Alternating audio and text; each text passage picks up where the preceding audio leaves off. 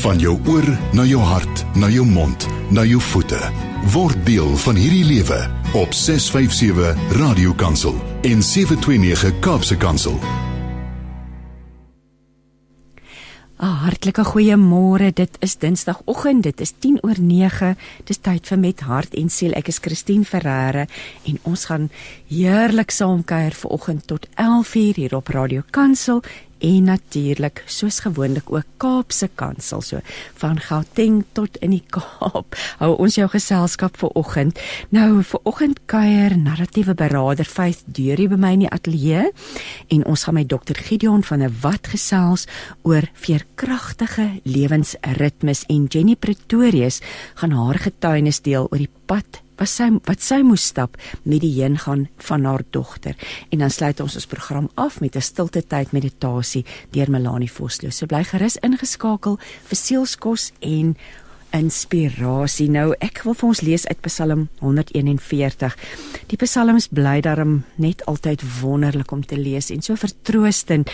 En die Psalm 141 sê: Here, ek bid tot U. Help my asseblief gou. Luister na my. Help my as ek tot U bid.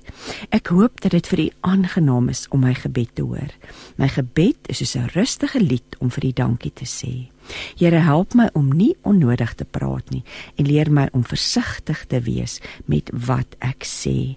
Ek lees vir ons tot daar. Um, en ek wil graag vers 8 byvoeg wat sê: Here, ek het U baie nodig. U beskerm my. Moet asseblief nie dat dinge vir my skeefloop sodat dit vir my voel of die laaste bietjie lewe uit my getap word nie. Nou geestesgesondheid is vandag die tema van ons gesprek. Dis 'n baie aktuële tema. Dis iets waarmee mense op die oomblik regtig sukkel. Ons hoor dit gereeld en maar ons het mense wat luister en mense wat wat kan raad gee en die Christelike Lektuurfonds het um, uh, in 'n vennootskap met Whitehead bedryfsielkundiges 'n reeks pamflette of kort informele leerinhoude saamgestel rondom die tema veerkragtige lewensritme. Nou ons leef in baie onwrigtende en selfs dramatiese tye. Ons lewensritme is versteur en ons sien dit in die toename van geestes ongesondheid by soveel mense. So ek gaan nou gesels met Dr. Gideon van der Walt. Hy was die redakteur van hierdie reeks pamflette en hy gaan vir ons meer vertel daaroor. Goeiemôre Gideon. Goeiemôre Christine. Lekker om met jou te gesels. Ek neem aan dis bitterkoud in Bloemfontein vanoggend. Ja, ek sit hier in bewe in 'n kamertjie wat tyd kyk. Uh, maar ons probeer altyd spog dat dit kouer in Bloemfontein is as enige ander plek. Nee, hoorie ek, dit is my my al my familie kom van Bloemfontein af, so ek ken daai koue as mens daar stilhou in die winter. Dan dan vriese mense aan mos amper nê. Maar nou ja, gister het ons sneeu gehad in Gauteng. Dit was 'n absolute belewenis. So ons ons, ons kry nog lekker koud ook vir oggend. Gideon, kom ons gesels oor hierdie reeks inligtingspamflette waarvan jy die redakteur was vir die Christelike Lektuurfonds. Miskien kan ek begin om vir jou te vra, hoekom het julle besluit om so 'n reeks pamflette aan die publiek bekend te stel? Christine, miskien die eerste ding is is is ja, effens 'n ou instansie. Ons werk kom al eintlik oor 100 jaar lank aan en 'n baie belangrike deel van ons werk was nog altyd om pamflette te maak. Ehm um, mooi kort leer inhoude, kan jy dit noem?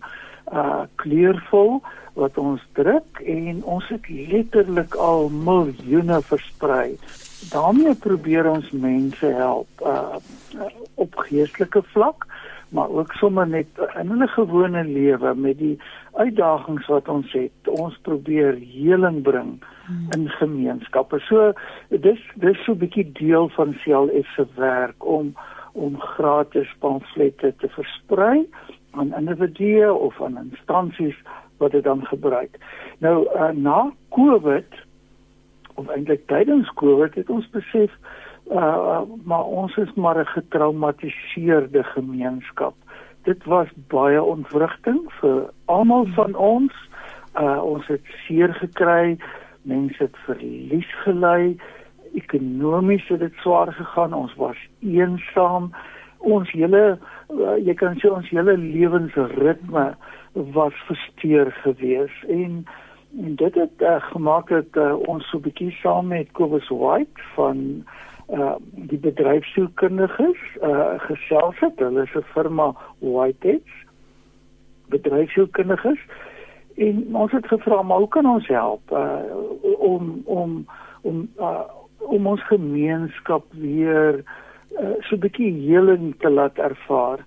Um, ons het ook ontdek na Covid uh, het alles mos nou nie net sommer net reg gekom nie. Ja. ja. Uh, ons land kry swaar ekonomies gaan dit swaar. Daar's geweld. Daar's soveel dinge wat ons uh ons stel wat gebeur in ons land. Ons voel ons voel vervreemd. Uh werkspatrone verander mense begin al hoe meer van die huis af werk uh en en dit bring 'n stuk ontwrigting.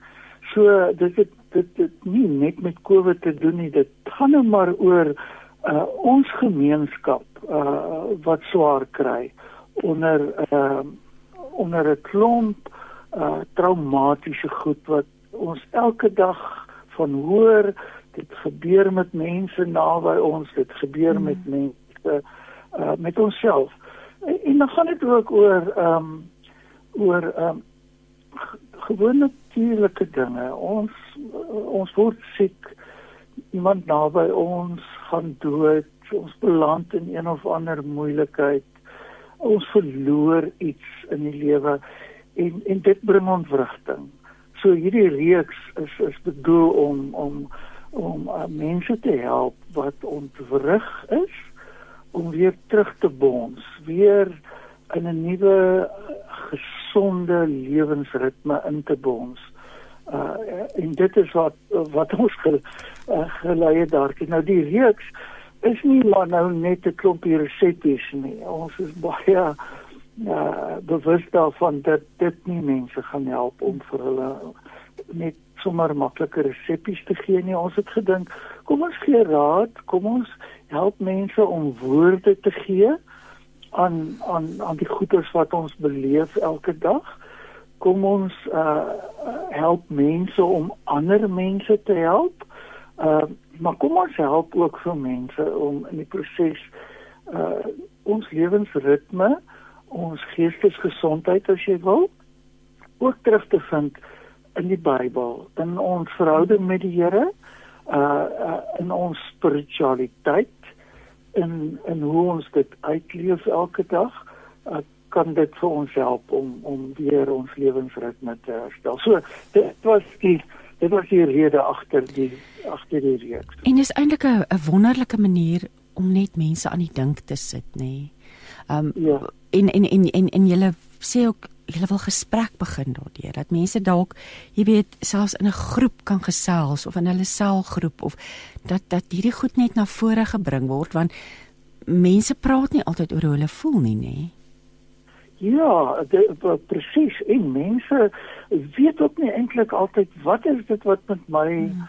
aan die gebeur is nie. Kom as ek skielik vol woede of kom ons daar by my so angstigheid. So ons probeer 'n bewussyn skep probeer woorde gee aan wat met mense aan die gebeur is, maar ons probeer ook mense help om te begin praat of dan waar dit nodig is regtig professionele hulp te gaan soek. Ek wil nou voordat ons ons ek wil hê ons moet 'n bietjie gesels oor die verskillende temas, maar voor dit wil ek sommer dadelik al vra waar kan mense dit in hande kry? Het julle 'n klomp laat druk?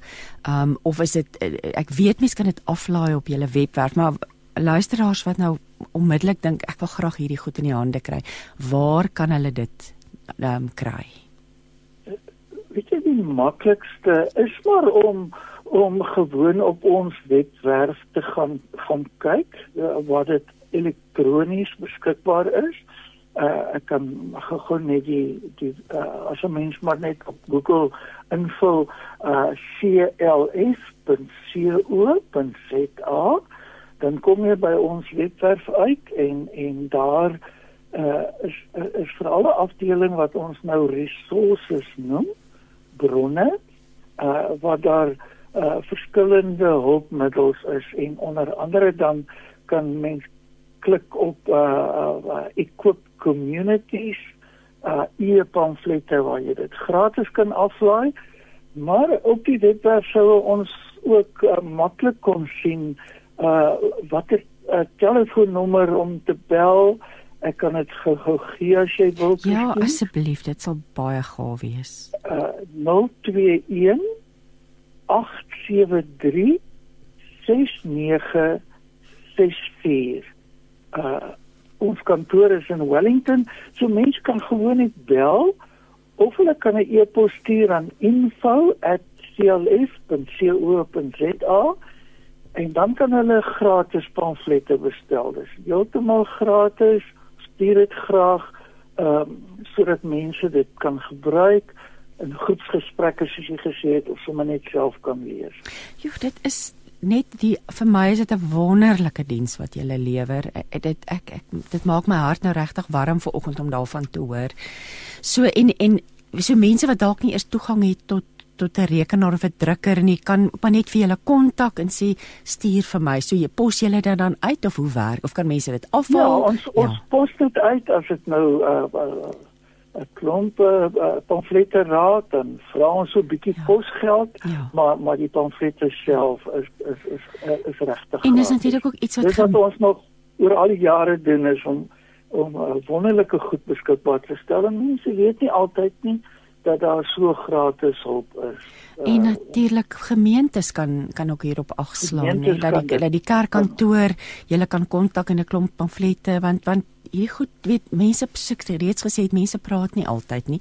Kom ons ja. praat oor die temas want daar's verskeie uh, temas wat jy ans, uh, um, aanspreek. Angs en angstigheid, lusteloosheid en kwyning. Jy noem dit depressie se klein boet. Denke kan jou bou of breek. Eensaamheid, selfwaarde en selfbeeld. Hoe om jou woede te beheer, om verlies te verwerk. Kom ons gesels 'n bietjie want ek neem aan as jy so met hierdie inligting doenig was, het dit het, het dit tog ook 'n impak gehad op jou om te sien wat wat. Miskien kan jy so 'n neete op vir ons ietsie sê oor elk van hierdie ehm um, ek hou van dit jy noem leer inhoude. Ehm um, ietsie daaroor vir ons kan sê asseblief Gideon. Goed, ons het ons het uh, op hierdie stadium 10 pamflette, dis in Afrikaans en in Engels beskikbaar. Ehm um, uh, uh, die eerste pamflet gaan maar oor 'n uh, verstaan van wat geestesgesondheid is. Die die balans wat daarin 'n mens se lewe moet wees dat dit uh, uh, uh jy weet die die die heelheid van mens wees uh, betrek. Hmm. Dit gaan oor jou fisiese gesondheid, dit gaan oor jou geestelike gesondheid, dit gaan oor jou verhoudinge, dit gaan oor hoe jy dink oor goeders, dit gaan oor jou werk, jou blyplek, en al hierdie faktore van 'n mens. Ek is in 'n soort ritme uh, en as iets daarvan versteur word uh, dan kan goeie skeefloop en en en die hele bedoeling met die reeks is dan om om vir mense raad te gee hoe om weer die gesonde ritme van 'n gebalanseerde lewe waar ons uh, emosionele en ons gees en ons liggaam alles mooi in in in uh in 'n bepaalde ritme. So dis die inleidende ehm um, uh tema dan uh, praat ons bietjie oor lewensritme. Christine uh, ons ons besef nie altyd hoe belangrik 'n uh, 'n soort ritme is in 'n mens se lewe. Natuurlik bedoel ons daarmee nie jy moet vreeslik rigied elke minuut ja. weet wat gaan ek nou doen nie maar uh, die hele natuur God se skepping het 'n ritme daar's seisoene die son kom op die uh, son gaan onder daar's 'n tyd vir werk en 'n tyd vir rus die Bybel is ook daarvan vol en ons is ook so gemaak ons het 'n amper 'n biologiese ritme waar na ons moet luister. Soms moet ons hoor nou moet ek rus of nou moet ek net eers afvat van my werk of nou moet ek net eers uh, stil word by myself en dan kan ek weer tussen mense wees.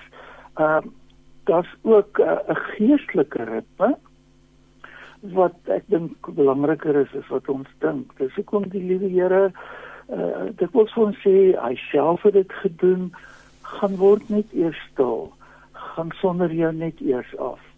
Uh hoor net my stem. Uh kom net tot rus. Dis hoekom uh, hy ook vir ons die Sabbat of dan die Sondag gegee het. As ons net 7 dae lank aan mekaar werk, dan gaan ons lewensritme heeltemal de mekaar loop. ons gaan slegte gevolge hê. So net 'n bewys van hoe belangrik ritmes is. Ook rituele as deel van die ritmes. Uh net dat ons uh om om 'n koppie tee te maak is nie sommer net nie. Dit dit help ons. Jy moet dit geniet. Jy moet bewustelik weet nou drink ek tee en ek kry net weer myself bymekaar. Ehm um, so ons het 'n uh, pamflet oor oor ritme wat ek dink baie belangrik is.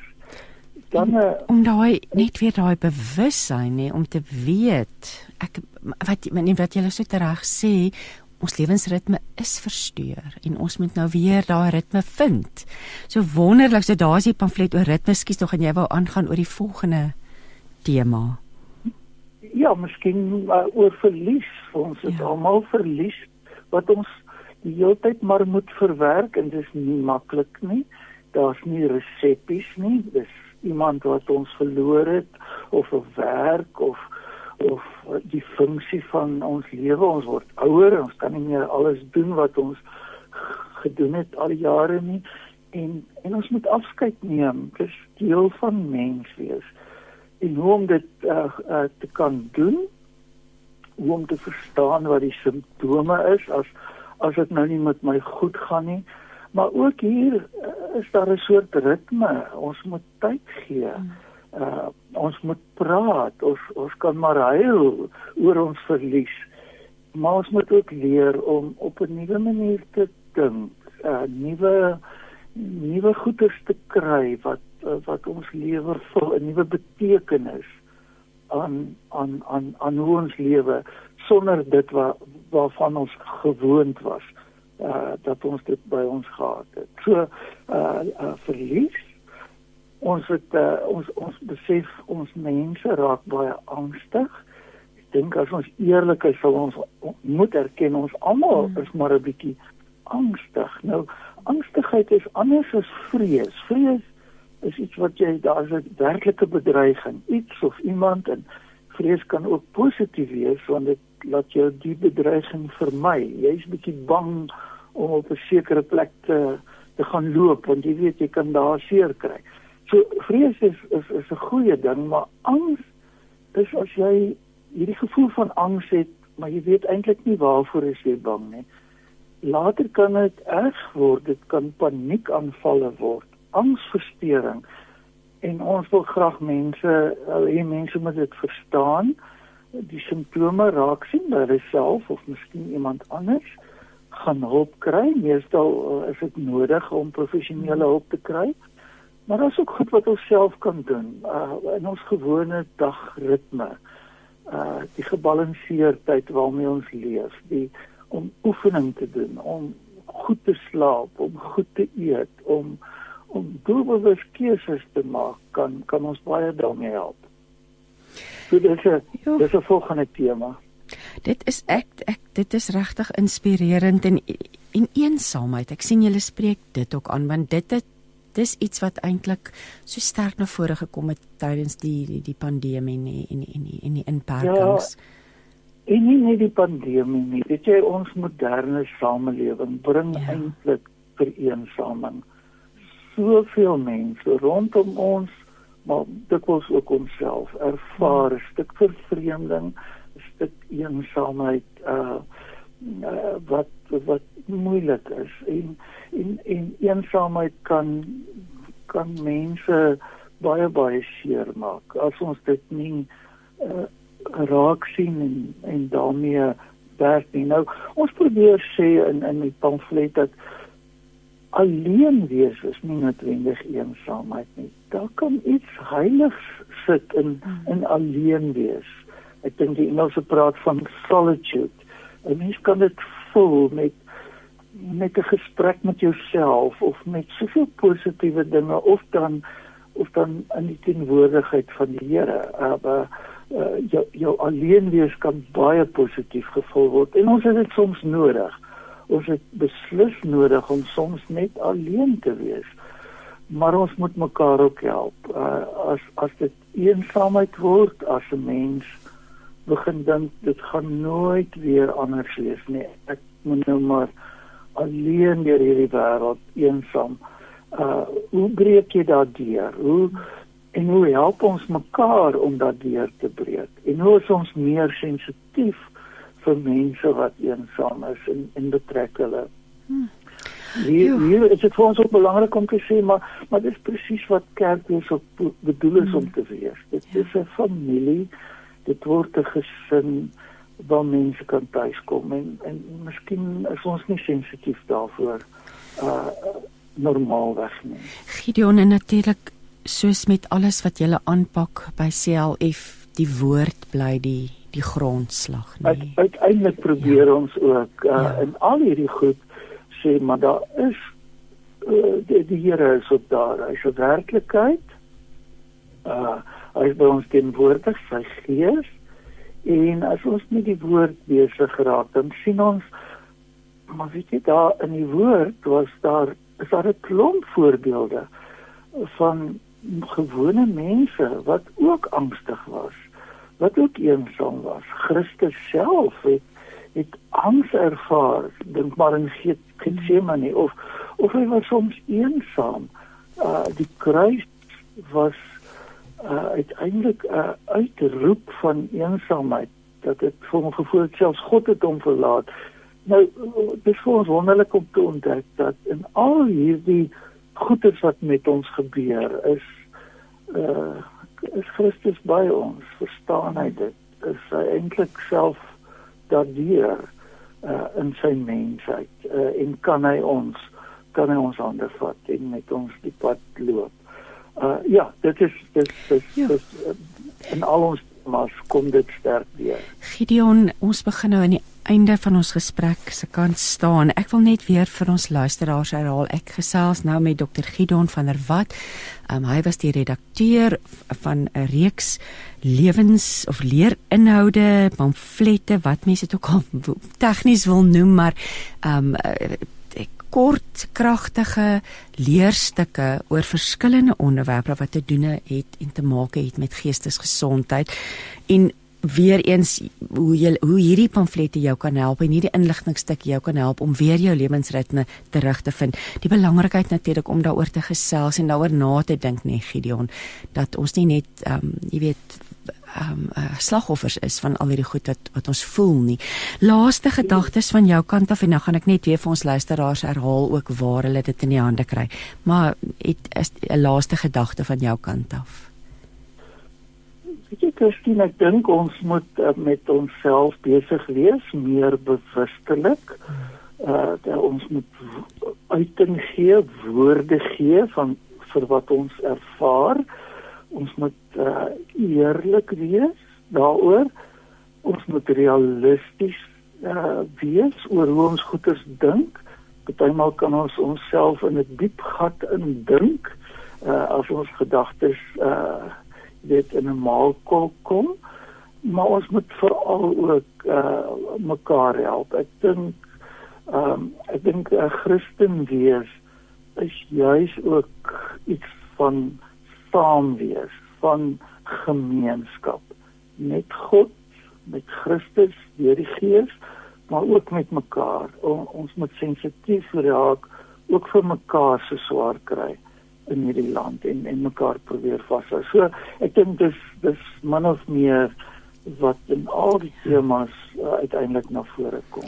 Wat 'n wonderlike inisiatief en ek herhaal net vir ons luisteraars as jy graag hierdie veerkragtige lewensritme um, inligtingstukke wil aflaai of in die hande kry, besoek CLF se webwerf clf.co.za um, onder resource channel. Um, so daar gaan jy dit vind. Dit is beskikbaar in Afrikaans en Engels, belangrik om dit by te voeg.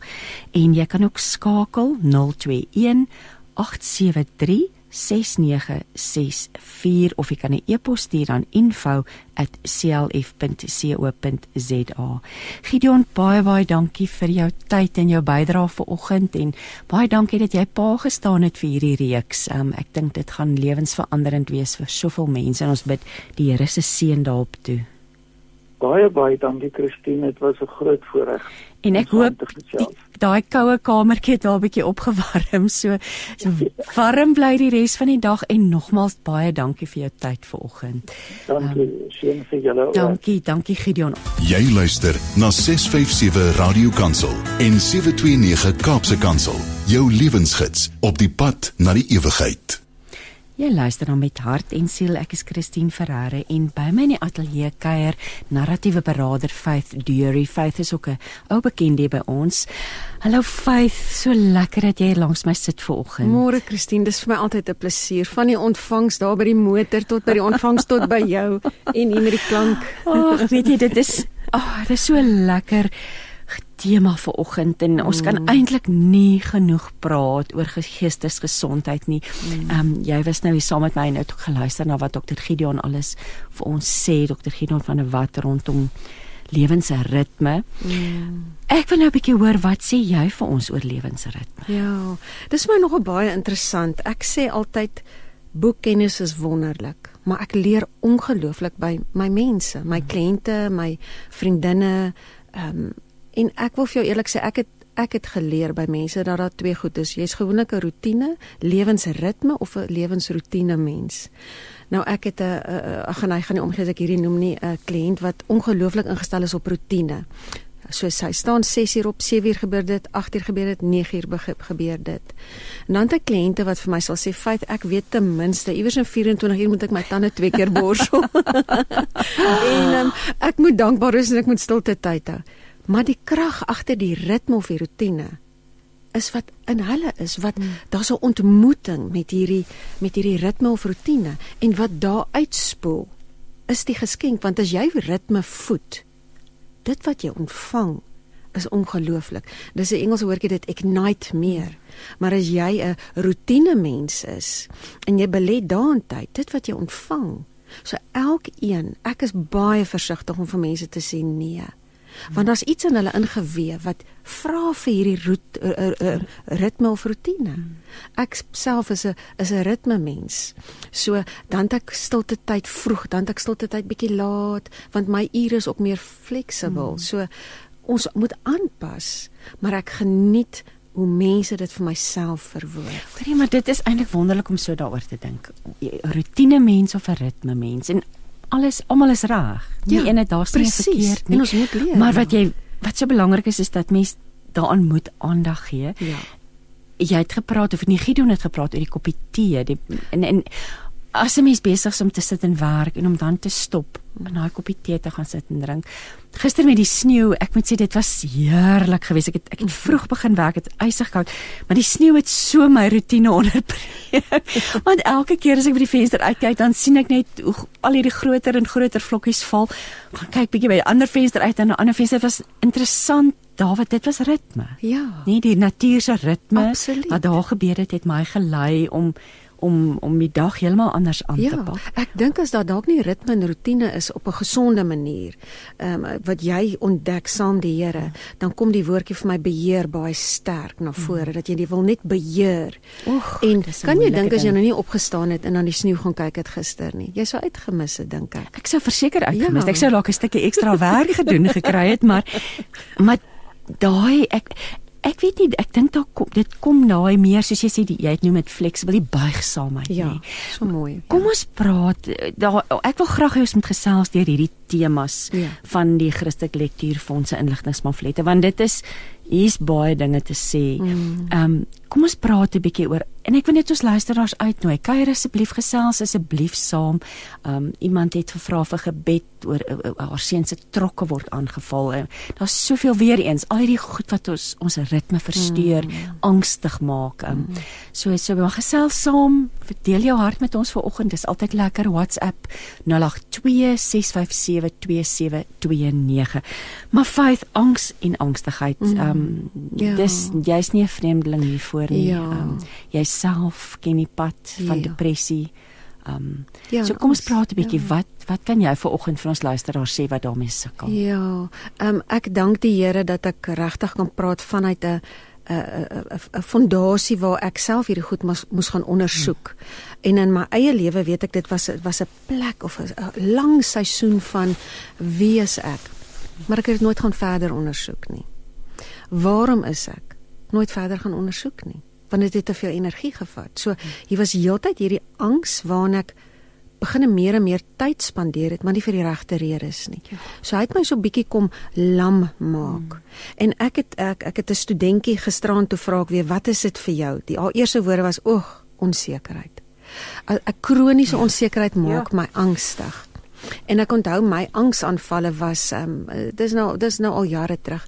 Maar ek onthou dit. En weet jy wat, Christina kan eerlik sê, as hy weer kom besoek, dan ondersoek ek hom. Ek druk onderdruk hom nie en dink ag ek gaan hom aanpak later nie. Op daai oomblik is dit, "Sjoe, hoekom voel ek angstig op die oomblik want ek voel vir hom." En ek as 'n beraader luister ongelooflik na my lyf. Ek het jare terug gedink ag is net 'n klomp kersliggies wat op en af hardloop, maar nee, as daar 'n liggie flits en dan gaan sê ek, "Goed, hoekom voel ek angstig?" En meeste van die tyd besef ek, "Feit jy probeer drie goed gelyk doen." Faith kan nie. Ek wat faith is, kan dit nie doen nie. Die Here het my die ongelooflike vermoë gegee om een ding goed te doen. En dalk is ek nou nie so oulik soos die ander Frans wat kan multitask. dit is nie my superkrag nie. Ek wil graag een ding op 'n slag Ja, ek doen. dink daai daai multitask ding, daai ons laai te veel op onsself en ons betaal tog Ja. later die prys. Ja, ja, so, Christine. ek dink jy dalk die die waarheid daar weet. Fokus op die een ding. Ja, want in Psalm 13 vers 3 hoor hoe mooi sê hy. Hoe lank sal ek planne beraam in my siel met kommer in my hart oordag. Jo, Want ek weet daai. skryf dit sommer neer. Ja, Psalm 13 vers 3. As ons in die nag wakker word en oor dinge bekommer. Ja. Jo. En hoor hoe mooi is hierdie. Ek wil dit graag aangee want dis iets vir my. Ons uh, uh, Dr Gideon het nou nou so mooi gesê, dis daai gaan daai tee drink. Ons moet tyd skep. En dan moet ons iets met die tyd maak. Ja. Want ons kan tyd skep en niks daarmee maak want bly ons Of angstig. jy sit ja, jy sit en Ja, ja. bekommer jou in daai tyd dat jy nou kampdag moet rus. Ja, ja. So hoor gou-gou besonder is hierdie Spreuke 12:25. Bekommernis in die hart van 'n mens druk dit neer. Maar 'n vriendelike woord vrolik dit op. En ek dink dit is vir my ongelooflik belangrik. Verwoord wat jy voel. Verwoord ek is kwaad, ek is angstig, ek is geïrriteerd. Maar dit moet bietjie verder gaan. Daar moet tyd geskep word om daai emosie, daai woord uit te pak. Maar ons doen dit nie. Ons ons ons ons ons gaan voort en ons sê maar net want dit was 'n moeilike dag. Hmm. Maar na 'n jaar, Jo, van moeilike dae een na die ander. dan sê is hierdie hierdie ruimte in ons hart is net daar kwaad. Hmm. En kroniese kwaad het weer ander effekte. Daarvan kan ek ook getuig. So angs was vir Faith self 'n plek van maar hoekom Faith? Die hoekom? Ons wil almal antwoorde hê. Ons wil nie vra vra nie. Jo. En dis wat ek geniet van die narratiewe berading. Die vrae wat ons vra is krities belangrik. En ek kan nie namens 'n kliënt dink ek weet wat sy antwoord nie, want elkeen se uniekheid het ek as beraader ook nodig. Dis wat my laat opstaan in die oggend. Hoekom wil ek opstaan? Nie nog 'n kliënt wat uitdagings het. Ek het nodig om spasie te maak om te leer. Hm, en te vra hoekom? Ja. Hoekom? Hoekom? So angs en angstigheid, Gideon het vir my iets baie mm, kosbaar ook gesê. Daar's 'n verskil tussen angs en vrees. En dat ons angstig is partykeer eintlik net ons weet nie eens waarvoor nie, nê? Ja. Ja. Ja, want vrees is soos wat hy gesê dit ons ons vrees vir ons lewe. Daar is werklik 'n bedreiging. En ek dink baie keer skep ons vir onsself angs omdat ons nie in hierdie genadespasie wat ons is die die tyd gebruik om te voel maar ook iets daarmee te doen nie. So iemand wat wat angstig voel, wat wat sal jy vir hulle sê? Wat is die eerste ja. stap? Vir my persoonlik wat vir my gewerk het, ek moes alleentyd hê. Maar dis nou 'n gesonde alleentyd. Ja, so ja. wat ek wat ek wat ek absoluut in glo is mentorskap. En dan het ek huis toe gegaan en prakties wat ek by my mentor geleer het, gaan oefen. Want ons koppe, ons dink ons is rustig, maar dan is ons koppe met 10000 goed besig en daarvan kan ek ook getuig dat my lyf naderhand probeer spasie maak vir alles wat in my kop aangaan. Ja. En dan voel ek my soos soos 'n negatiewe energie. Daar's nie eenheid in gees, siel en liggaam. En ek is 'n ongelooflike praktiese mens. So ek probeer die kop bedaar deur te gaan fokus. Ek sit letterlik buite in die tuin. Ek het 'n klomp voeltjies daar, ek het honde. Ek trek alles terug. Dis asof ek ek gaan op beerdkrag. Ek gaan absoluut terug grond toe. ek kan nie want dit raak net dit is soos 'n 'n generator wat net gaan en gaan en gaan. So ek moet ek trek hom terug grondvlak toe. Ek wil net wees. Hmm. En ons groot mense het verleer om te kan wees. En dit is vir my krities belangrik om 'n spasie van wees te kry is vir my geskenk van die Here. Nou wil ek sommer huil. En op baie keer dink ons nie, maar ek moet iets doen oh, om ja. waarde te hê. Weet jy Christine, dis nie vir, ek kan nie dit doen nie ek ek wil nie meer doen om te lyk like, o sy's baie besig is beteken sy seker belangrik en sy het 'n goeie inkomste ek wil hê mense moet na my hmm. kyk en en en en, en dink daar's iets anders hmm. en dan moet hulle nader agterkom oor dis nie haar parfuum of haar jas nie dis in die manier wat sy ja, wees ja, ja. en ons groot mense kan dit by die kinders leer Jacqueline stuur vir ons 'n boodskap. Sy sê môre Christine en Faith, ek het met my vier kinders baie gou geleer om ritme en rotine saam te doen. Wonderlik. Ehm um, sy sê dit was 'n uitdaging en baie moeilik in die begin want ek is 'n uh, het ehm um, as in 'n perfeksionistiese huis groot geword. Ek loof hê dat hy deur my kinders my vrygemaak het van angs, ander ander plesier en al goedkeuring te soek. Ja. En ek het geleer om dit wat in 'n wat ek in 'n dag wou doen nou in 'n nou 'n week gaan neem om klaar te kry. En dis heeltemal goed so. Excellence is more important than speed. Jo, daai ding van ons moet doen en maar hoe wonderlik wat jy nou in 'n dag. Ek dink daai les is asof mense doen lyse aan die einde van die dag net nie klaar kom ja, nie. Ja. Want en dan voel ek dit nou weer spanning. Ja, want as ons nou mooi daaraan dink, die Here sal dit gereeld vir my sê, uh, tyd. Hy het vir ons tyd gegee. Dis daar. En as ek nou asof ek nou wil sê, um ekskuus Here, jy kan jy nie net so 3 ure op hierdie 24 uur bysit nie. En hy het geweet, dit gaan nie goed wees nie. Hmm. En daai almal dieselfde 24 uur ja. gekry, nê. En hoe ons dit daarmee woeker Hmm. En baie keer net wees in daai 24 uur is hoe ons hom verheerlik. Kom ons praat, daar's 'n interessante pamflet met die titel Lusteloosheid en kwyning, depressie se klein boet. Kom ons praat bietjie daaroor. Ja, weet jy, ek dink hy mens kan ure eintlik daaroor ja, praat. Ja. Ehm ja. um, weer eens eie getuie, ehm um, hoe minder ek ehm um, my vinger op iets kon sit en maar net gegaan het hoe sê die Engelsman go with the flow hoe, hoe minder het dit vir my gevoel daar's daar's net hierdie groot lomp klomp ietsie binne my wat net is 'n lomp som van iets maar ek kon nooit my vingers sit op die iets nie so die lusteloosheid het groter geword en hierdie spasie was nie 'n genade spasie nie ek sal altyd sê we we work with a grace space or a grey space. Mm. So hierdie grys area in my lewe het groot en groot geword en die die lusteloosheid was absoluut by my mm. wil ek amper sê hoofdogter gewees want weer eens ons is gees, siel en liggaam. Mm. En ons moet kan verwoord waar gaan sit hy. Want baie keer as ons gees lusteloos voel, dan wil ons dit met ons vlees regmaak. So ek wil nou doen, ek wil oefen, ek wil dit maar die gees bly honger, hy bly lusteloos. So dis my holistiese benadering, gees, siel en liggaam. En weer eens wat ek by my kliënte geleer het oor lusteloosheid is hoe hulle hom elkeen moes gaan ontdek het. En ek wil vir jou eerlik sê, Christine, boekkennis het sy plek. Maar kinders van die Here se getuienis het my al oorrompel. Dat ek daar gesit en gesê, Here, ek sit met hierdie kliënt op heilige grond hoe geen boekkennis vir my sou kon help om hierdie kliënt te help, maar dat mens hulle woorde hoor. Hoor waar lusteloosheid in hulle lyf sit, in hulle mens wees. Want die woordjie daai lusteloosheid. Das das dis 'n loosheid. En dis vir my soos 'n grys area, maar dis ook potensiaal. Want baie keer ons op grondvlak is en ons is ge-unpack. Daar's nie meer ekstra laadjies of alles is uit dit is oop en bloot. Dan kan ons vir die Here sê, "Oké okay, Here, ek is nou uit planne. Ek het alles probeer." Sure, soos wat die Psalm Ja, sê vir van die ons. opposite van van wat ons die lusteloosheid en ek is baie versigtig om eers 'n woord op die tafel te sit want vir elkeen is die teenoorgestelde van lusteloosheid iets besonders. So vir my weer eens die hoekom? Hoekom hierdie grys spasie? En waantoe wil ek? Want die die die wat is my Engelse woorde is vanoggend te veel. Die journey tussen die die die woorde, tussen die opposite van lusteloosheid en dalk veerkragtigheid, wat ook al jou woorde is, is die geskenk. Weet jy wat die woord afgestomp kom in my gedagtes Pragtig.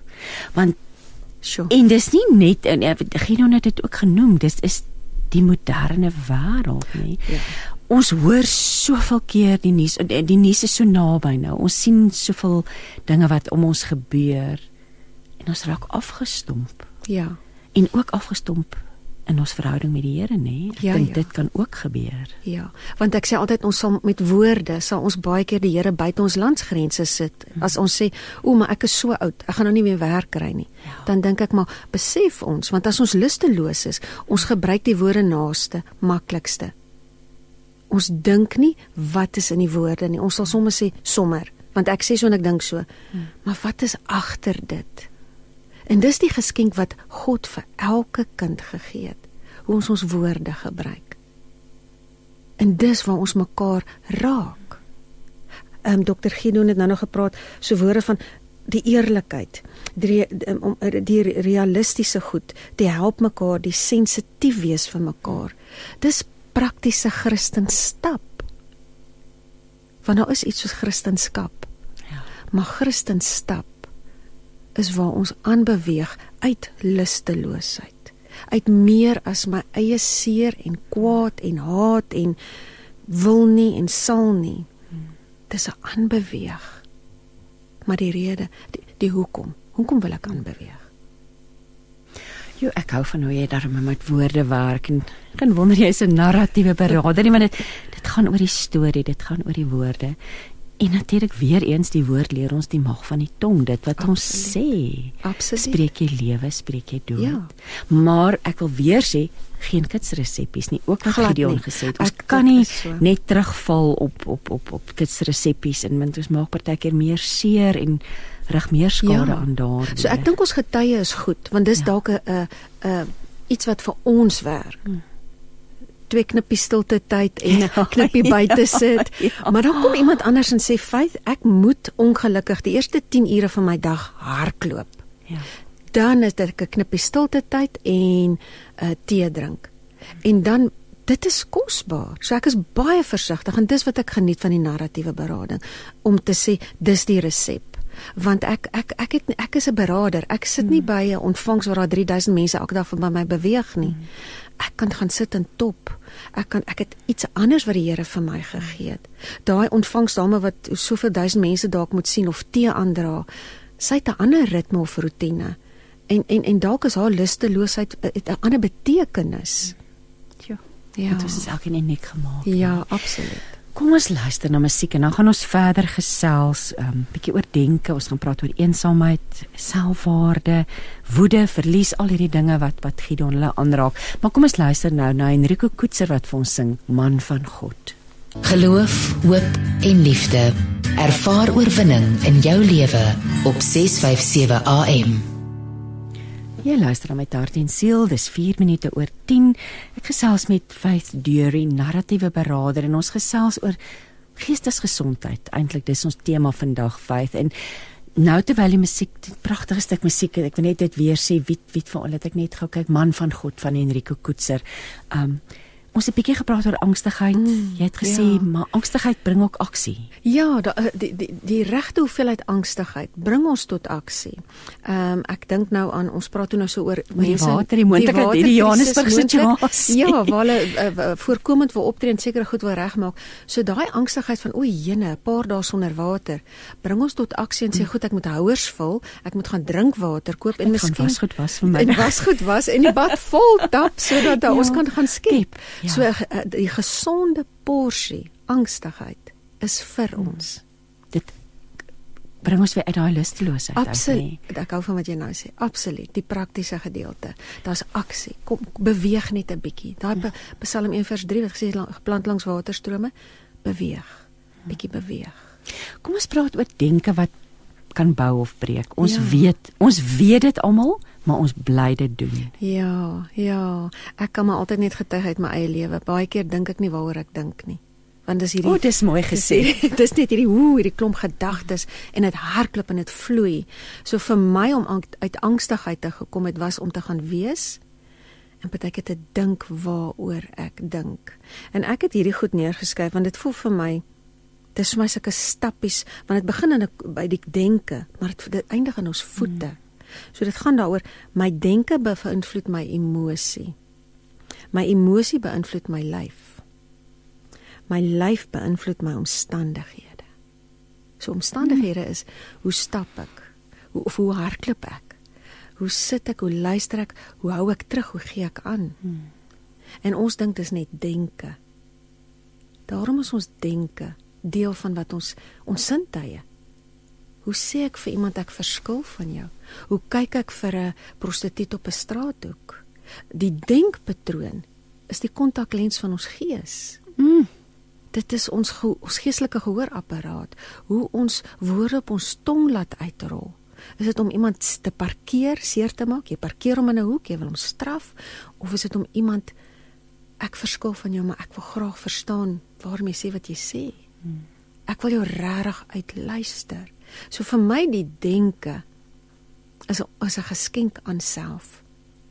Want hier plant ons die saadjie en hy hy spoel deur gees, siel en liggaam. Jo, Ja. eensaamheid. Dit Ja. is een van die temas. Ja, ehm um, weer eens dink ek ons almal kan iewers sê hmm. ons ken eensaamheid. Ehm um, ek lag altyd dan dink ek maar die opposite van eensaamheid, die teenoorgestelde is tweesaamheid.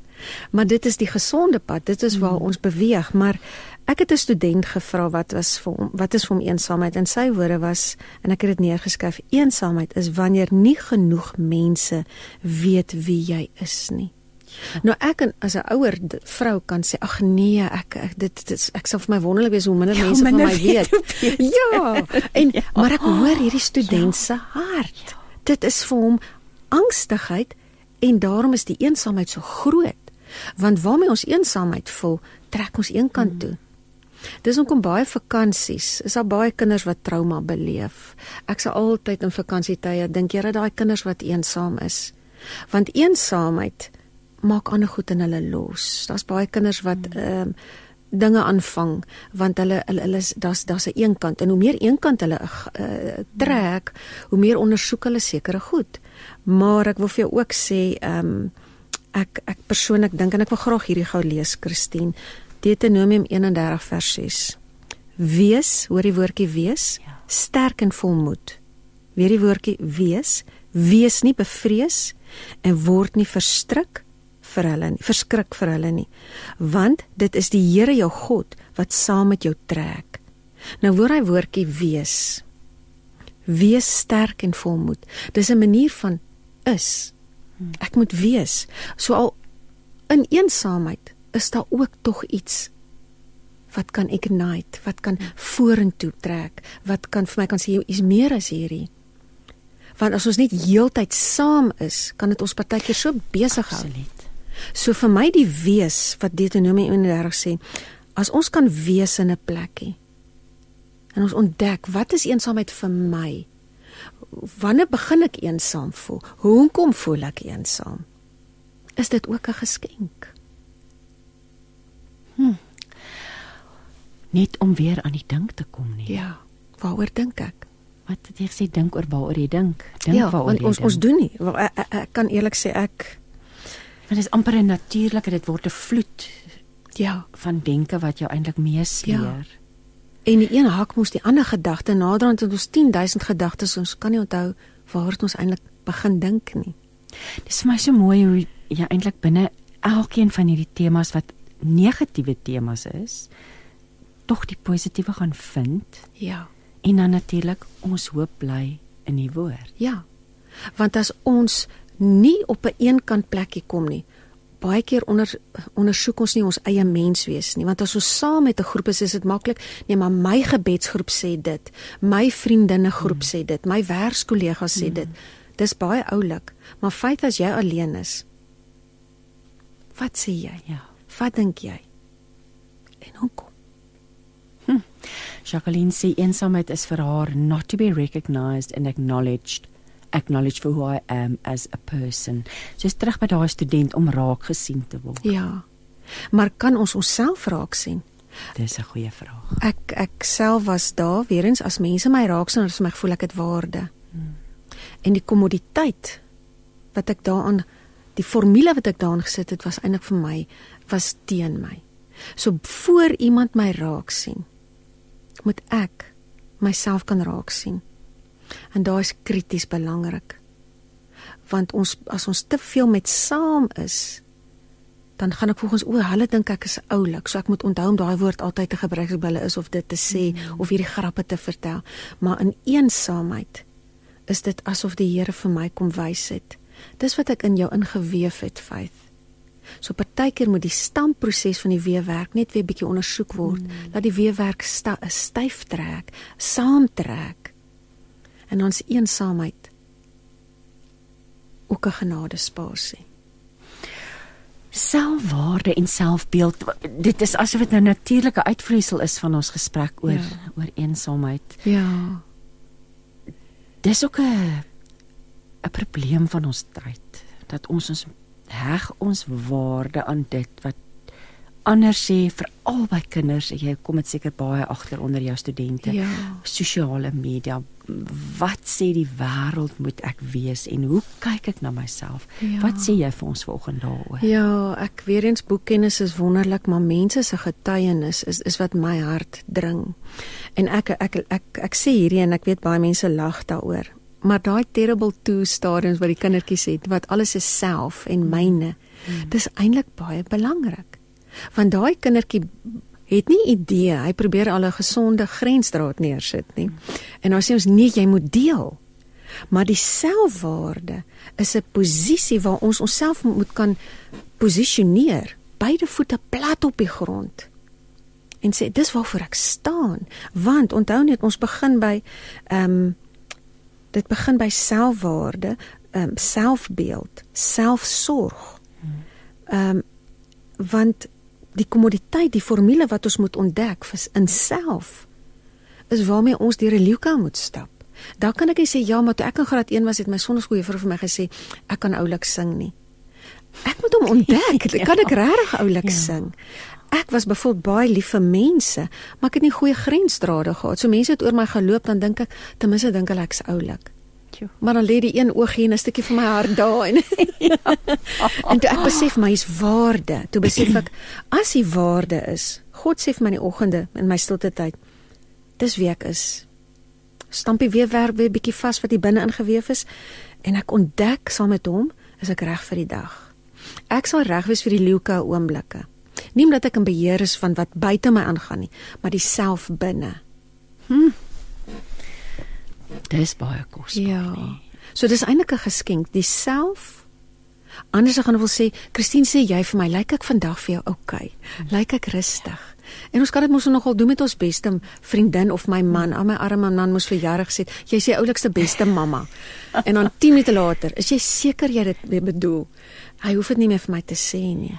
Was dit maklik om by selfwaarde uit te kom?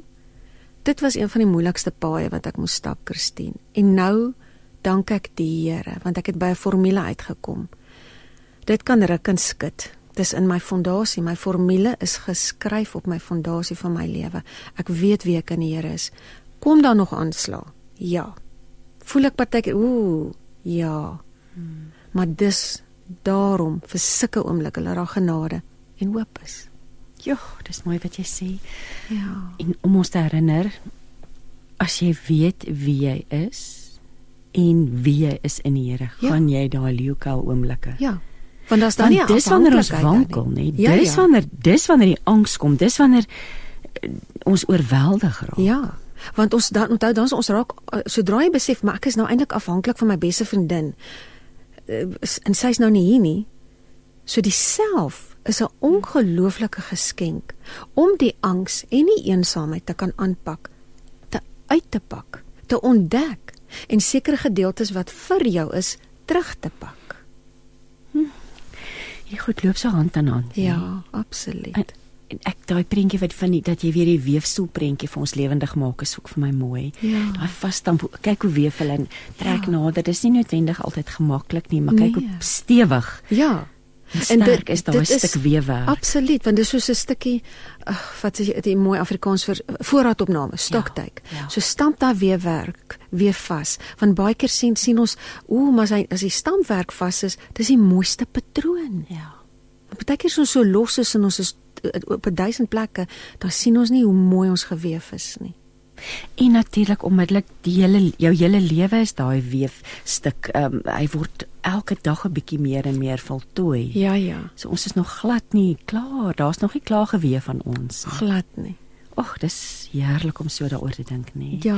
Kom ons gesels oor woede, want jo, mense is kwaad oor baie goed. Ja, ja, ek ek dink omdat mense voel hulle is nie meer hulle kan nie meer in beheer wees nie. Is daar ook dis ook een van die aspekte. Dan is hulle kwaad. Kom ons praat voordat ons oor die kwaad Ja, praat. ja. Kom ons praat 'n bietjie oor beheer want die woord het nou opgepop 'n paar keer Ja. vandag en daai behoefte om in beheer te wees. Wat Ja. wat leer jy mense oor beheer? Ek gaan eerder vir jou sê wat leer mense my oor beheer. ek gaan kom ek sê vir jou so, Christine weer eens eie lewe.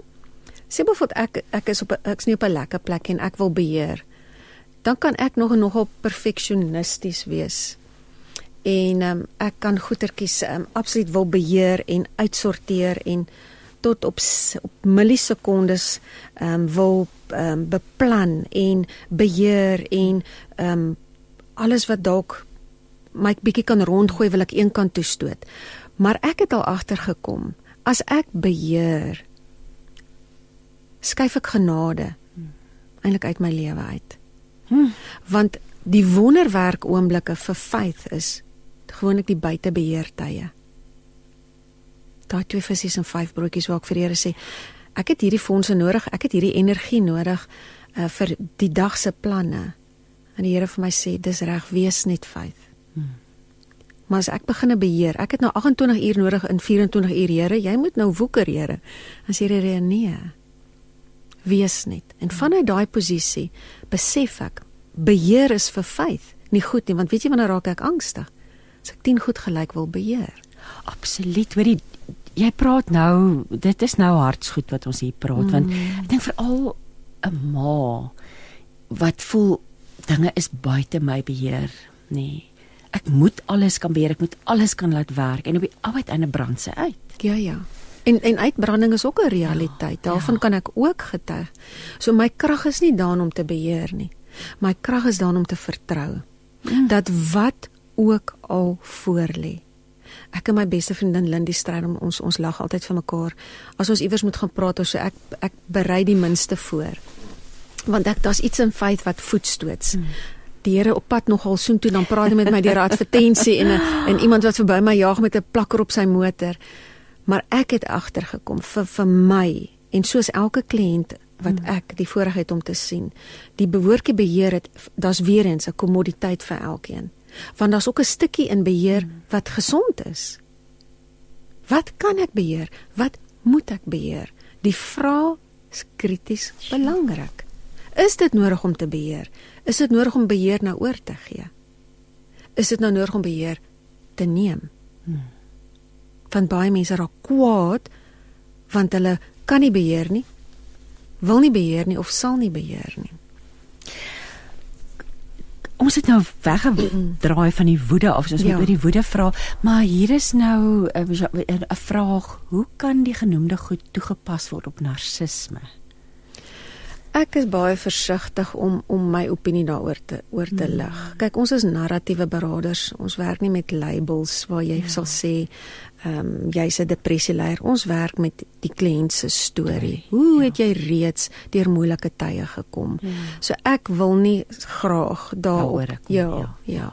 Kom ons kom ons gaan na woede Ja. toe. Kom ons praat Mm. oor woede. Hoe leer ons Ja. om woede te beheer want dit is wat hierdie pamflet of hierdie inligtingstuk vir ons dan gaan inligting oor gee, maar wat sê jy? Wat, Ja. wat sê jy vir jou mense wat met Ja. woede sukkel? Christine, ek wil net gou ietsie lees van Andrew Lester. Dit was nou nogal vir my interessant. Hy het gesê def ehm um, hy definieer woede as die fisiese, geestelike en emosionele opwekkingspatroon wat plaasvind in reaksie op 'n waargenome bedreiging teenoor die eie ek. Sjoe. So kan jy nou dink as jy nie weet wie selfwaarde, wie self, wie's ek. Mm. En daar's hierdie goed wat na jou toe aankom en mense goed op jou Sneller, neerdruk ja, en ja. en jy kan nie verwoord waarom jy eintlik wil sê nee nie, want jy weet nie wie jy is en waar jou grensdrade neersit. So is amper hierdie bose kringloop. So die woede ek dink ek is weer eens hoor my hart 'n normale menslike reaksie. Ek word woedend oor korrupsie. Maar kan ek laat dit my vreugde steel? Nee. Ja. So as ek heeltyd kwaad is vir vir dit wat gebeur, vir my eie foute, my kinders, my man, my mense om my die die regering en ek is heeltyd kwaad, dan voed ek mos nou met die tyd wat ek op hande het hierdie in my mens wees. So waaroor weer eens het ek beheer? Ek kan woede ook beheer. Dis wat gebeur ek sien dit, ek gaan dit nie wegpraat nie, dis realiteit. Maar dis nie my mandaat wat die Here vir my gegee het om die regering uit te sorteer. My mandaat is self ek's 'n beraader. Wie by my uitkom, ek kan daai daai woede en daai daai genade, daai praktyk van my kan ek ek kan ek kan daarmee werk. Daar's mense wat geroep is vir ander goed, maar ek weet sodra ek uit my grensdrade wil klim, dan wil ek sommer nou net links en regs goeters uitsorteer en mense klap en begrawe en en dis woes. en ons almal kom op daai plekkie. So woede kan ook weer eens vir ons wees, maar ook teen ons wees. So baie om oor na te dink, nê. En Verseker. dit voel vir elke keer gaan ons terug na die begin toe, daai ritme, rotine, ritme Ja. en hoe die goed in plek gaan val as ons plek maak, tyd maak, stil word, die woord lees. Maar weer eens nie oor ons, reset ja. dink dink nadink en hoe dit ook net dan 'n organiese proses word. Ja, ek hou van dit. Dis mm. absoluut. Dit word deel van jou jou mm. asemhaling. Hoor weer eens ritme of rotine. Ja. Ja. Dit raak deel van ek staan in die oggend op en dadelik weet ek dit is wat ek nodig het op my fondasie. So die selfgedeelte. Die gesonde self is vir my krities belangrik. Want ons word almal iewers in ons lewe gestroop van ons kwalifikasie. Ons ons ons ons dink ons het hierdie identiteit, ons motor, ons huis, dalk ons lyf, dalk ons gesondheid. Dan is daar die kern. En wat is ons kern? Want ek kan môre 'n kwalifikasie verloor of of gesondheid of iets of finansiële stabiliteit as gevolg van goed buite my beheer. So wat in my beheer is. En as ek net heeltyd kronies kwaad is vir hierdie lewe wat kom wegneem het, dit is so. Maar wat in die plek wat weggeneem is? Is dit 'n genade spasie waar die Here ons wil kom sê, "Vyf maar as meer." Soos ek was kwaad toe ek net nie meer vir iemand my angs en depressie het my by gekry. Ek kon nie meer uh ek was 'n persoonlike assistent. Ag moeder, die arme dokter. Dan moet hy in Johannesburg wees want ek kom gereël hy's in Pretoria. Maar toe die Here daai wegvat en hy sê vir my, "Vyf, wie is jy sonder hierdie werk?" Sê ek, "Ek weet nie, Here." En toe begin ek ontdek. En ek was nog altyd lief vir mense, maar ek wou amper sê vir die verkeerde redes. So toe ek begin self ontdek en hierdie woede uitpak van, maar niemand sien my nie. Maar niemand hoef my te sien nie. Ek moet my roeping binne toe ontdek. En wat is my naam? Wat is wat is meer in my opgesluit? Hm. Toe is al daai goed wat eintlik sleg is, Ja. was 'n geskenk. Ja, mens het eintlik 'n paar minute nodig om net te, te laat insak wat jy nou alles sê. Ja. En natuurlik die een van die een van die temas hoe om verlies te verwerk. Dis vir my so interessant mm. hoe elke stukkie gesprek ons lei na die volgende onderwerp. toe. Ja, Hoe om verlies te verwerk want weet jy dit is 'n gegewe. dit is 'n gegewe. Hy hy gaan hy gaan iewers op 'n manier uitkom. Hoe vlak, hoe diep, hoe wyd hmm. verskil vir ons elkeen. Iemand sê nadag vir my sy raak so geïrriteerd. Ehm um, die persoon het 'n troeteldier verloor en, en en sy was sy was absoluut ten gronde hmm. en verstaan die persoon nie daar's belangrike dinge in die lewe en ek dink nee ons het ja. elkeen ons het ons ons voel hom op verskillende plekke en ek sê altyd vir die vir die jong mense sê aan lag hulle sê hulle ag Tanya sê waar voel jy verlies hmm.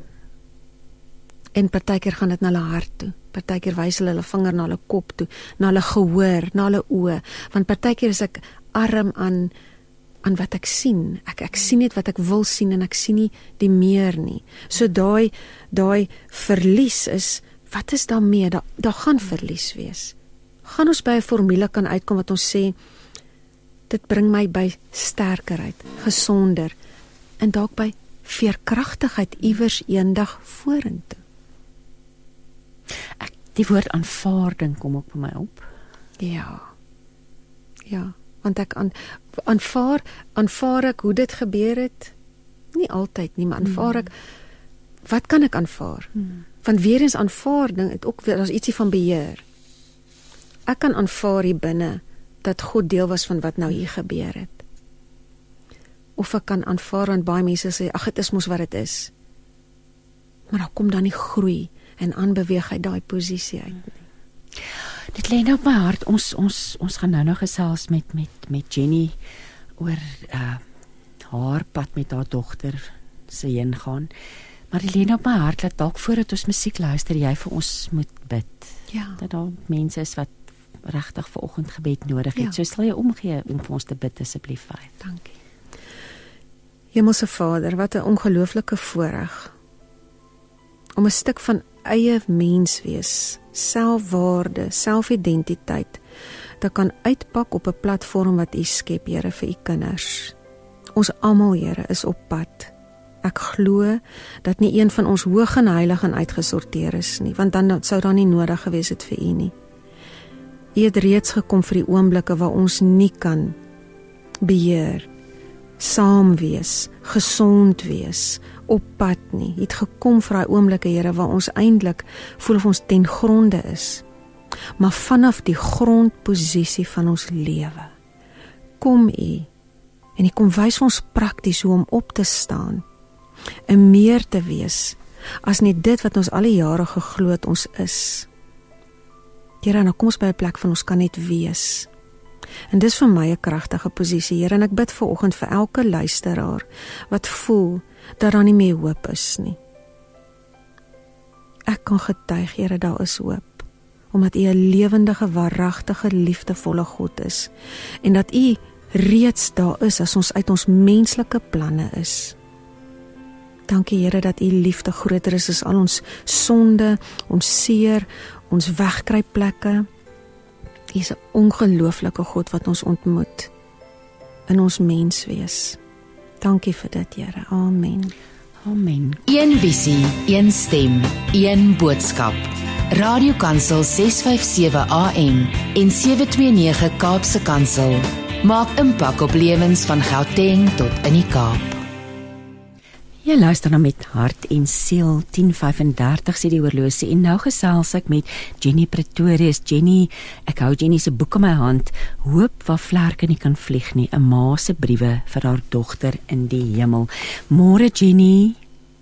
Goeiemôre Christine, goeiemôre luisteraars. So lekker om met jou te gesels. Ek wil net heel eers vir jou vra, is jy dalk op jou speakerfoon? Okay. Wil jy hom nie afsit nie. Ons hy maak 'n ekho aan die kant van die lyn. So as jy nie sal omgee om net direk in jou foon te gesels met ons nie asseblief Jenny. Dit word reg, ek het so gemaak. Ja, dit maak 'n groot verskil. Jenny, kom ons begin ehm um, by jou storie. Kom ons vir, vir, vir jy nie asseblief net eers vir ons die verhaal van jou dogter deel nie en dan gesels ons verder oor die boek. Seker.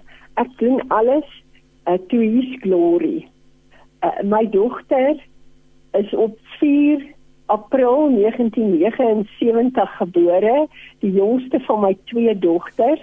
Karen was 'n pragtige klein dogtertjie en sy was verskriklik intelligent. Sy kon hierdie vra vra wat jy nie gedink het 'n kind kan jou vra nie. Het 'n begrafplaas sou sy vra. Die kind sou aan dinge dink wat agterna het ek geweet dit was absoluut sy aan die Here behoort. ons kinders behoort aan die Here. Hulle is net geleen en die Here het al vir my geleen 35 jaar, 6 maande en 7 dae voordat hy haar kom haal het. Sy het baie goed presteer op skool, baie intelligent. Op hoërskool het sy die tale geniet. Sy Duits gehad as 'n vak en baie gou het sy vir haar sussie das kind begin sê. En die das kind het sy gesê tot die dag van haar dood was hulle mekaar se das kind. Sy was 'n baie besonderse kind. Sy het na skool haar studies by 'n uh, eh, Potch Universiteit begin, LLB en sy haar graad verwerf. Sy het begin werk, haar artikels gedoen, begin werk by regsoperaat en op 25 het sy haar meestersgraad in strafreg en strafproses verwerf. Sy was baie baie intelligent en sy het haar werk verskriklik geniet. Sy was 'n pragtige blonde dogtertjie met twee groen oë wat helder en vas kon kyk. In sy 2007 is sy gediagnoseer met borskanker. Op haar verjaarsdag het sy vir my gevra ek moet 27ste verjaarsdag ek moet net voel as 'n knop in haar bors en ek het gevoel en ek was dadelik onrustig as mamma en uh, sy het vir 'n sonaar moes gaan omdat sy te jonk is vir 'n mammogram en sy is onmiddellik verwys na 'n chirurg. Ek is saam met haar chirurg toe en die chirurg het gesê hy gee haar 6 maande om te leef en maar lewe en dood is in die Here se hande. Dit weet ons nou.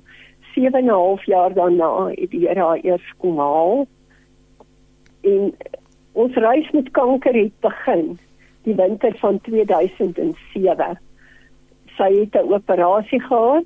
Ons het nou 'n tweede tweede opinie het sy besluit om nie 'n mastektomie te hê nie. Die knop is verwyder en kliere onder haar arm. Van die 11 kliere was 9 reeds kwaadaardig en ja, dit was 'n groot skok vir ons. Ons het die operasie gehad en toe sy begin met bestraling. Al hierdie dinge was vir ons verskriklik vreemd want 'n mens wat nie daarmee te doen kry nie, het geen idee. Jy weet kwaliek wat so onkoloog en al die terme, jy ken dit nie want jy het nog nooit nodig gehad om daarmee te deel totdat dit gebeur met ander mense, nie met jou nie. Ja. En sy het ehm um, bestraling gekry vir 6 weke. Nege velde het haar bestraal. Die kanker was toe reeds in haar borsbeen agter haar oor ook 'n plekkie op haar knie en sy het nie gevelde bestraling gekry vir 6 weke. Sy het geen geweier omdat Karen 'n sterk persoonlikheid gehad het en geweet het wat wil sy nie. Sy het vreeslik uh, baie navorsing gedoen en gesê my ma, as ek nie met my liggaam dit kan veg nie, gaan ek dit met my kop moet veg en ek kan nie as ek siek voel dit kan doen nie. Ek kan nie moet doen nie. En sy het nooit chemo gehad my kind sy bestraling gehad. En in al hierdie tyd was het sy soveel hoop gehad. Sy het vrees in haar oë gehad. Ek het vrees in Karen se oë gesien maar ook hoop want ons het in die Here gehoop en ons het saam gebid aanhoudend ek het gebid party aan dat dan nie bid in my lyf oor was nie so het ek vir haar gebid en sy is terug werk toe En vir 2 jaar was my kind in remissie. Was ons so gelukkig al kankertelling was goed en dit het so goed met haar gegaan. En toe op 'n dag het sy swanger geraak en die kanker is weer terug en as gevolg van die kanker ehm um, kon hulle nie behandeling gee nie en dit het veroorsaak dat haar hebbeen was afgeëet deur die kanker. Haar bobene links het gebreek. Sy kind het op kerke geloop. Hulle wou die baba aborteer en sy het geweier. Ons hoop was in die Here en ek het net vir haar gesê as jy hierdie baba wil hê gaan ons bid. En ons gaan God moet vertrou want alleen gaan ons nie hierdie doen nie. En dit was 'n verskriklike moeilike swangerskap met haar wat op kerke is en baie pyn het. Sy het soveel pyn gehad. My kind het met afbeen geloop met 'n kurk. En die baba is vroeg gebore op, op 34 weke is. Dan nou gebore die oggend van sy geboorte het die onkoloog en die ginekoloog my buite al kamer geroep en gesê moenie opgebonde raak nie. want ons weet nie wie stoot ons vandag uit hierdie teater uit nie. Ja. En terwyl sy in die teater was, dit was die verskriklikste tyd. Dit was 'n koue dag en ek het ek en my suster het voor die teater gesit en na God geroep. Ek het nie omgegee wie kyk en wie kyk nie vir my nie. En na ruk toe stoot hulle hierdie klein seentjie dit het gevoel soos 'n leeftyd uit die teater uit en is hierdie perfekte klein seentjie en ek wou nie op daai stadium kyk waar is my waar is Karen nie want ek was bang om te kyk ek weet wat en hierdie klein seentjie was so klein vegter soos sy mamma hy was 'n nag in die broeikas en perfek hy's 'n pragtige intelligente jong seun klein seentjie en sy moes 10 dae na die geboorte weer begin met bestraling. Sy weer 'n reeks bestraling gehad en van toe was Karen net nooit gesond nie. 'n rukkie na dit het ons die ortopeed gaan sien en die Here het vir haar 'n stukkie heubeen laat aangroei wat absoluut medies onverklaarbaar is dit. Maar vir my kind gedoen. Dis hy het haar kerk weggegooi en met haar baba by die hospitaal uitgestap sonder as hy het ge, uh, mank geloop effens mank maar sy het dit met soveel statigheid gedoen en Karen was altyd so mooi aangetrek gegrimeer blink haartjies sy was pragtig en toe hierdie babatjie 2 jaar oud was het sy weer begin werk sy was 'n lektor aan die universiteit 'n dosent aan die universiteit van Potchefstroom en sy dit was altyd haar droom sy het 'n rukkie gedoen en dit kon sy nie meer nie. Die kanker het weer teruggekom en hierdie keer was dit verskriklik. Maar my kind was baie sterk, altyd gehoop en geglo in die Here en nooit gekla nie. En hierdie keer het die kanker teruggekom in haar bene en dit was baie seer en baie erg. Dit was tot in haar kakebeen en sy het nooit al die mediese verslae vir my heeltemal gelees nie. Na sy oorlede is het ek die verslae gekyk en besef sy het baie goed vir my weggesteek om my te beskerm. Sy het dit op haarself geneem. Sy was 'n besonderse kind gewees pragtige jong vrou en toe het sy so het sy regtig het sy vir my gesê ek moet saam met haar kom onkoloog toe en ons het gegaan en ons het die nuus gekry dat die, die kanker in haar organe versprei is. Dit was 2014. Dis dit in haar organe versprei en sy het verskriklik gehuil. Dit is die eerste keer wat Karen so vreeslik gehuil het. En die Here het my kalmte gegee. Ek het my kind vasgehou en getroos en vir haar gesê ons hoop en vertrou is in die Here, nie mense nie. Maar in haar oë kon ek sien sy het geweet. En ja, en ek is ek het op daai stadium in Zambia gewoon. My man het daar gewerk en ek het heen en weer gevlieg na hierdie kind toe want ek wou by haar wees soveel moontlik. Maar ek het nooit gedink dat Karen sal na die Here toe gaan nie want sy was 'n vegter. Sy het nooit opgehou nie. Sy het nooit 'n hofsaak omtrent verloor nie. Dis wie sy was. En die grootste geveg was hierdie een met die kanker wat my kind moes doen.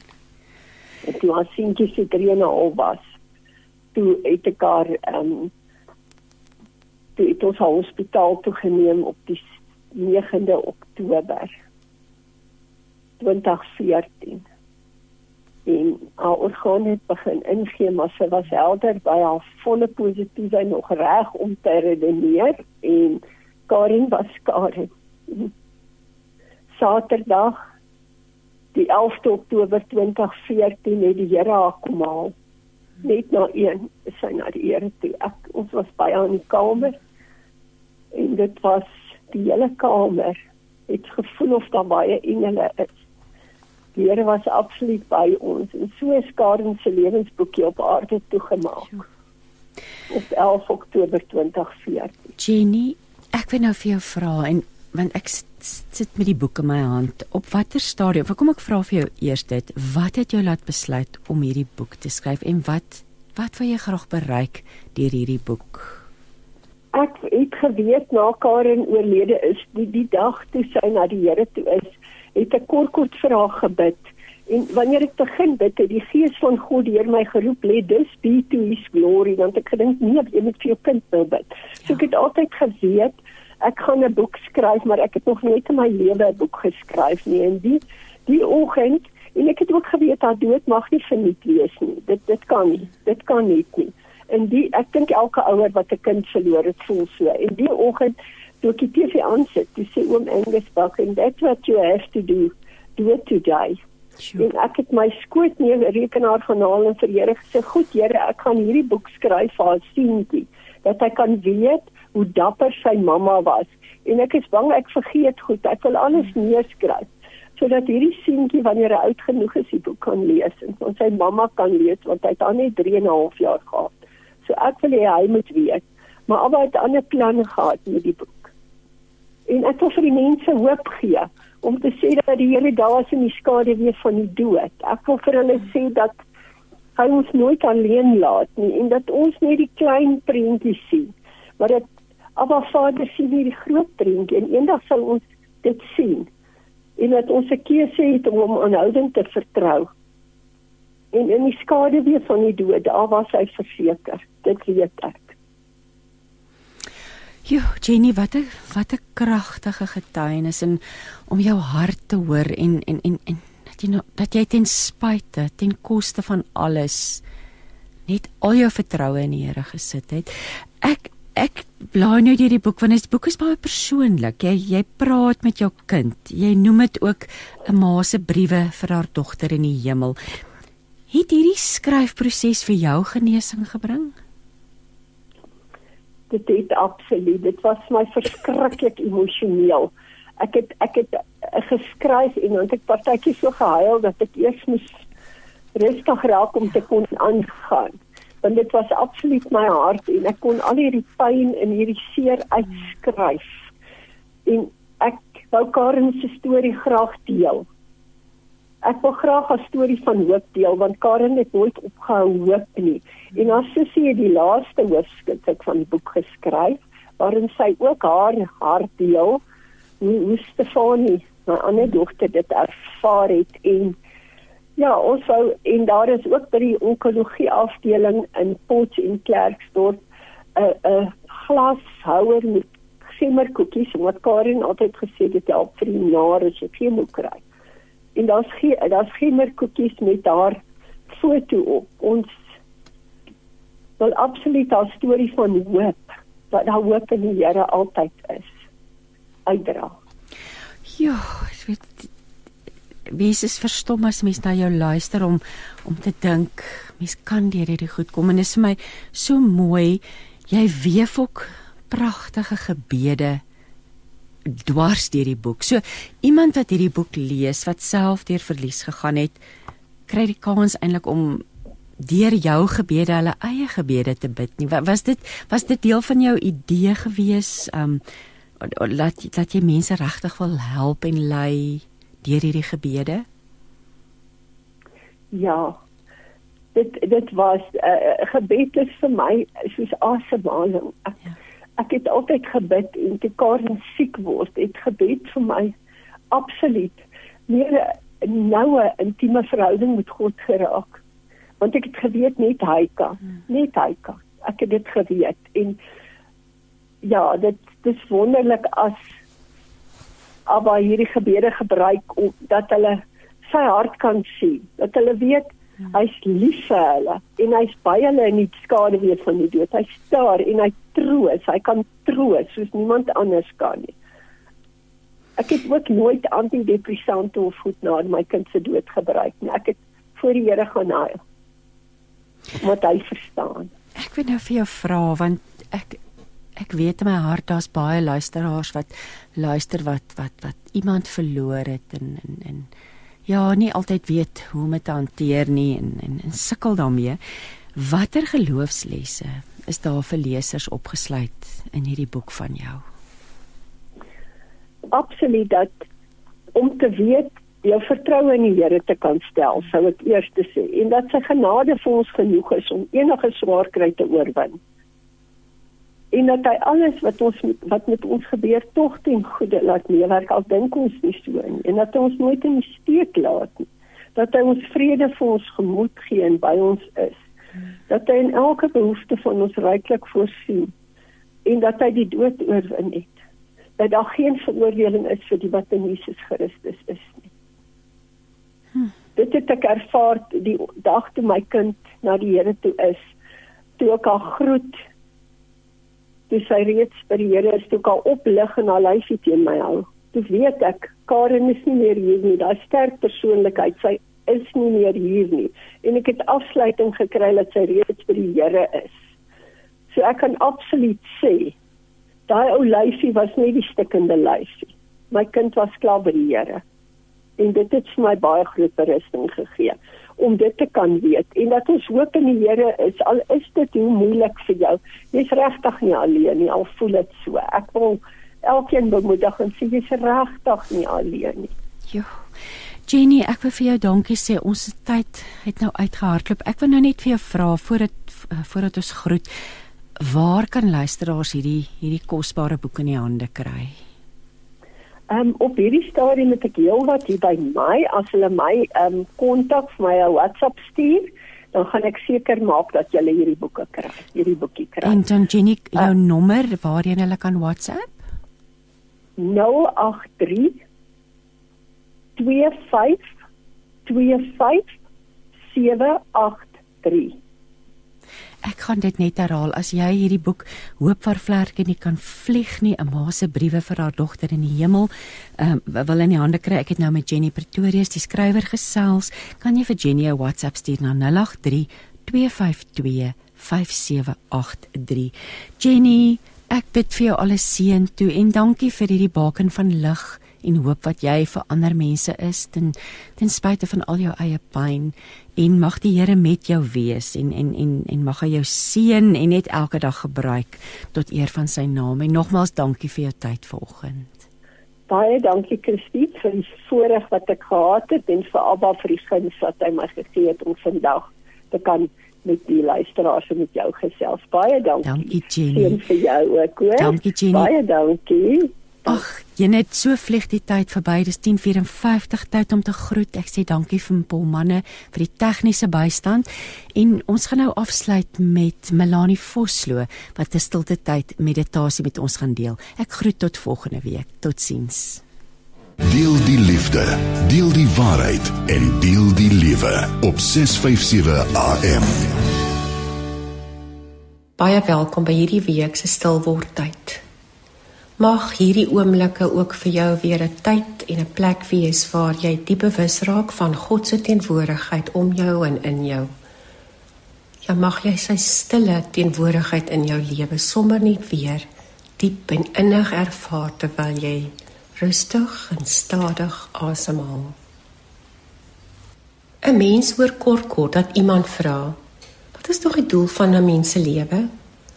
Waar en hoe kan ek betekenisvol wees en hoekom is ek hier? Waarvoor sal mense my nou eendag onthou? Dis nog wel 'n vraag wat ons almal een of ander tyd oorwonder. Veral hier in ons middeljare krisis wanneer ons begine dink, "Hm, so is dit nou die lewe?" Is die lewe nou vroeg opstaan en hard werk, rondry agter kinders aan 'n huis probeer regophou, saans uitgeput aan die slaap val, net om môre weer dieselfde patroon te herhaal en die ure af te tel na Vrydag toe? Is dit die lewe? Of ons wonder ernstig oor ons bestaansreg as ons na jare in die arbeidsmag aftree en die mense wat so lank 8 tot 10 ure deel van ons dag was, oornag van ons vergeet en ons dink So is dit nou belangrik ek regtig was so onbelangrik dat ek dadelik vervang kon word. En dan is dit so dat ons as kinders van God ook onsself tereg sal vra. Leef ek regtig God se doel met my lewe uit? Ek is eerlik as ek sê dat ek ook vir baie jare al gewonder het hoe op aarde ek regtig God se doel met my lewe kan uitleef wat so 'n vallende mens is wat baie keer misluk. Ek wat so diep bewus is van my eie onvermoë om regtig God se voete en hande en liefde hier op aarde te wees. En dit was nogal vir my 'n verligting toe ek die woorde van David Fleming raak lees en besef. God verwag nie van my om iets te wees of iets te doen of perfek te wees sodat hy my kan lief hê nie. Ek hoef ook nie te dink dat ek berge moet verskuif of iets groots moet bereik om sy doel met my lewe uit te leef nie. Ek hoef net in sy liefde te leef. Hoe mooi skryf David. Die doel van ons lewens is om vir altyd saam met God te lewe. Die God wat ons liefhet en wat aan ons die lewe gegee het. Alles in die lewe is 'n geskenk van God wat aan ons gegee is sodat ons hom beter kan leer ken. Sy opregte onvoorwaardelike liefde vir ons kan beleef en dit dan kan aangee. Enige iets kan ons lei na die groter doel van ons lewe. Siekte of gesondheid, armoede of rykdom, sukses of mislukking. Ons enigste begeerte, ja ons doel op aarde behoort te wees. Ek wil elke dag die dinge kies en so leef dat ek nader aan God kan kom. Hoor jy dit? Jou enigste doel, jou enigste begeerte behoort te wees om die dinge te kies wat jou nader aan God bring. Jesus sê self in Johannes 15 vers 4 tot 5: "Julle moet in my bly en ek in julle." 'n Loot kan nie uit sy eie vrug dra as hy nie in die wingerdstok bly nie. En so kan julle dit ook nie doen as julle nie in my bly nie. Ek is die wingerdstok. Julle die lote. Wie in my bly en ek in hom, dra baie vrug. Kom ek vra nou weer. Wat dink jy is jou doel op aarde? As jou enigste begeerte is om elke dag dieper in God se liefde ingeplant te wees en sy liefde deur jou te laat vloei, dan hoef jy nie verder oor die vraag te dink nie. Want dan is jy waar God wil hê jy moet wees. Ongeag die seisoen van jou lewe, wat jy doen, wat jy nie doen nie, en wie jy is. God gee aan ons onvoorwaardelike liefde en lewe sodat ons in en deur daardie liefde ons doel op aarde kan uitleef. Kom ek en jy probeer maar net elke dag ingeplant bly in sy liefde dan sal ons ons doel op aarde bereik. Kom ons bid saam. Here Jesus, die wêreld leer ons so dikwels die norme van leer klim, presteer, iets bereik, groot dinge doen. En dan lees ons u woord en dan hoor ons dat al wat ons hoef te doen is om in u te bly. Om in u soos 'n afhanklike loot net eenvoudig in die wingerdstok te bly sodat u liefde vrylik deur ons kan vloei. Vandag besef ek dis nie so moeilik om my doel op aarde te bereik nie. Ek moet net elke dag die grootste begeerte hê om in u liefde te leef, te doen, te praat en te wees. Dan sal ek vrugte dra. Dan Here word u meer en meer deur my. En dis al wat belangrik is. Help my om vandag my doel op aarde voluit in en deur u liefde te leef. One vision, one voice, one message. Radio Pulpit 657 AM and 729 Cape Pulpit, impacting lives from Gauteng to the Cape.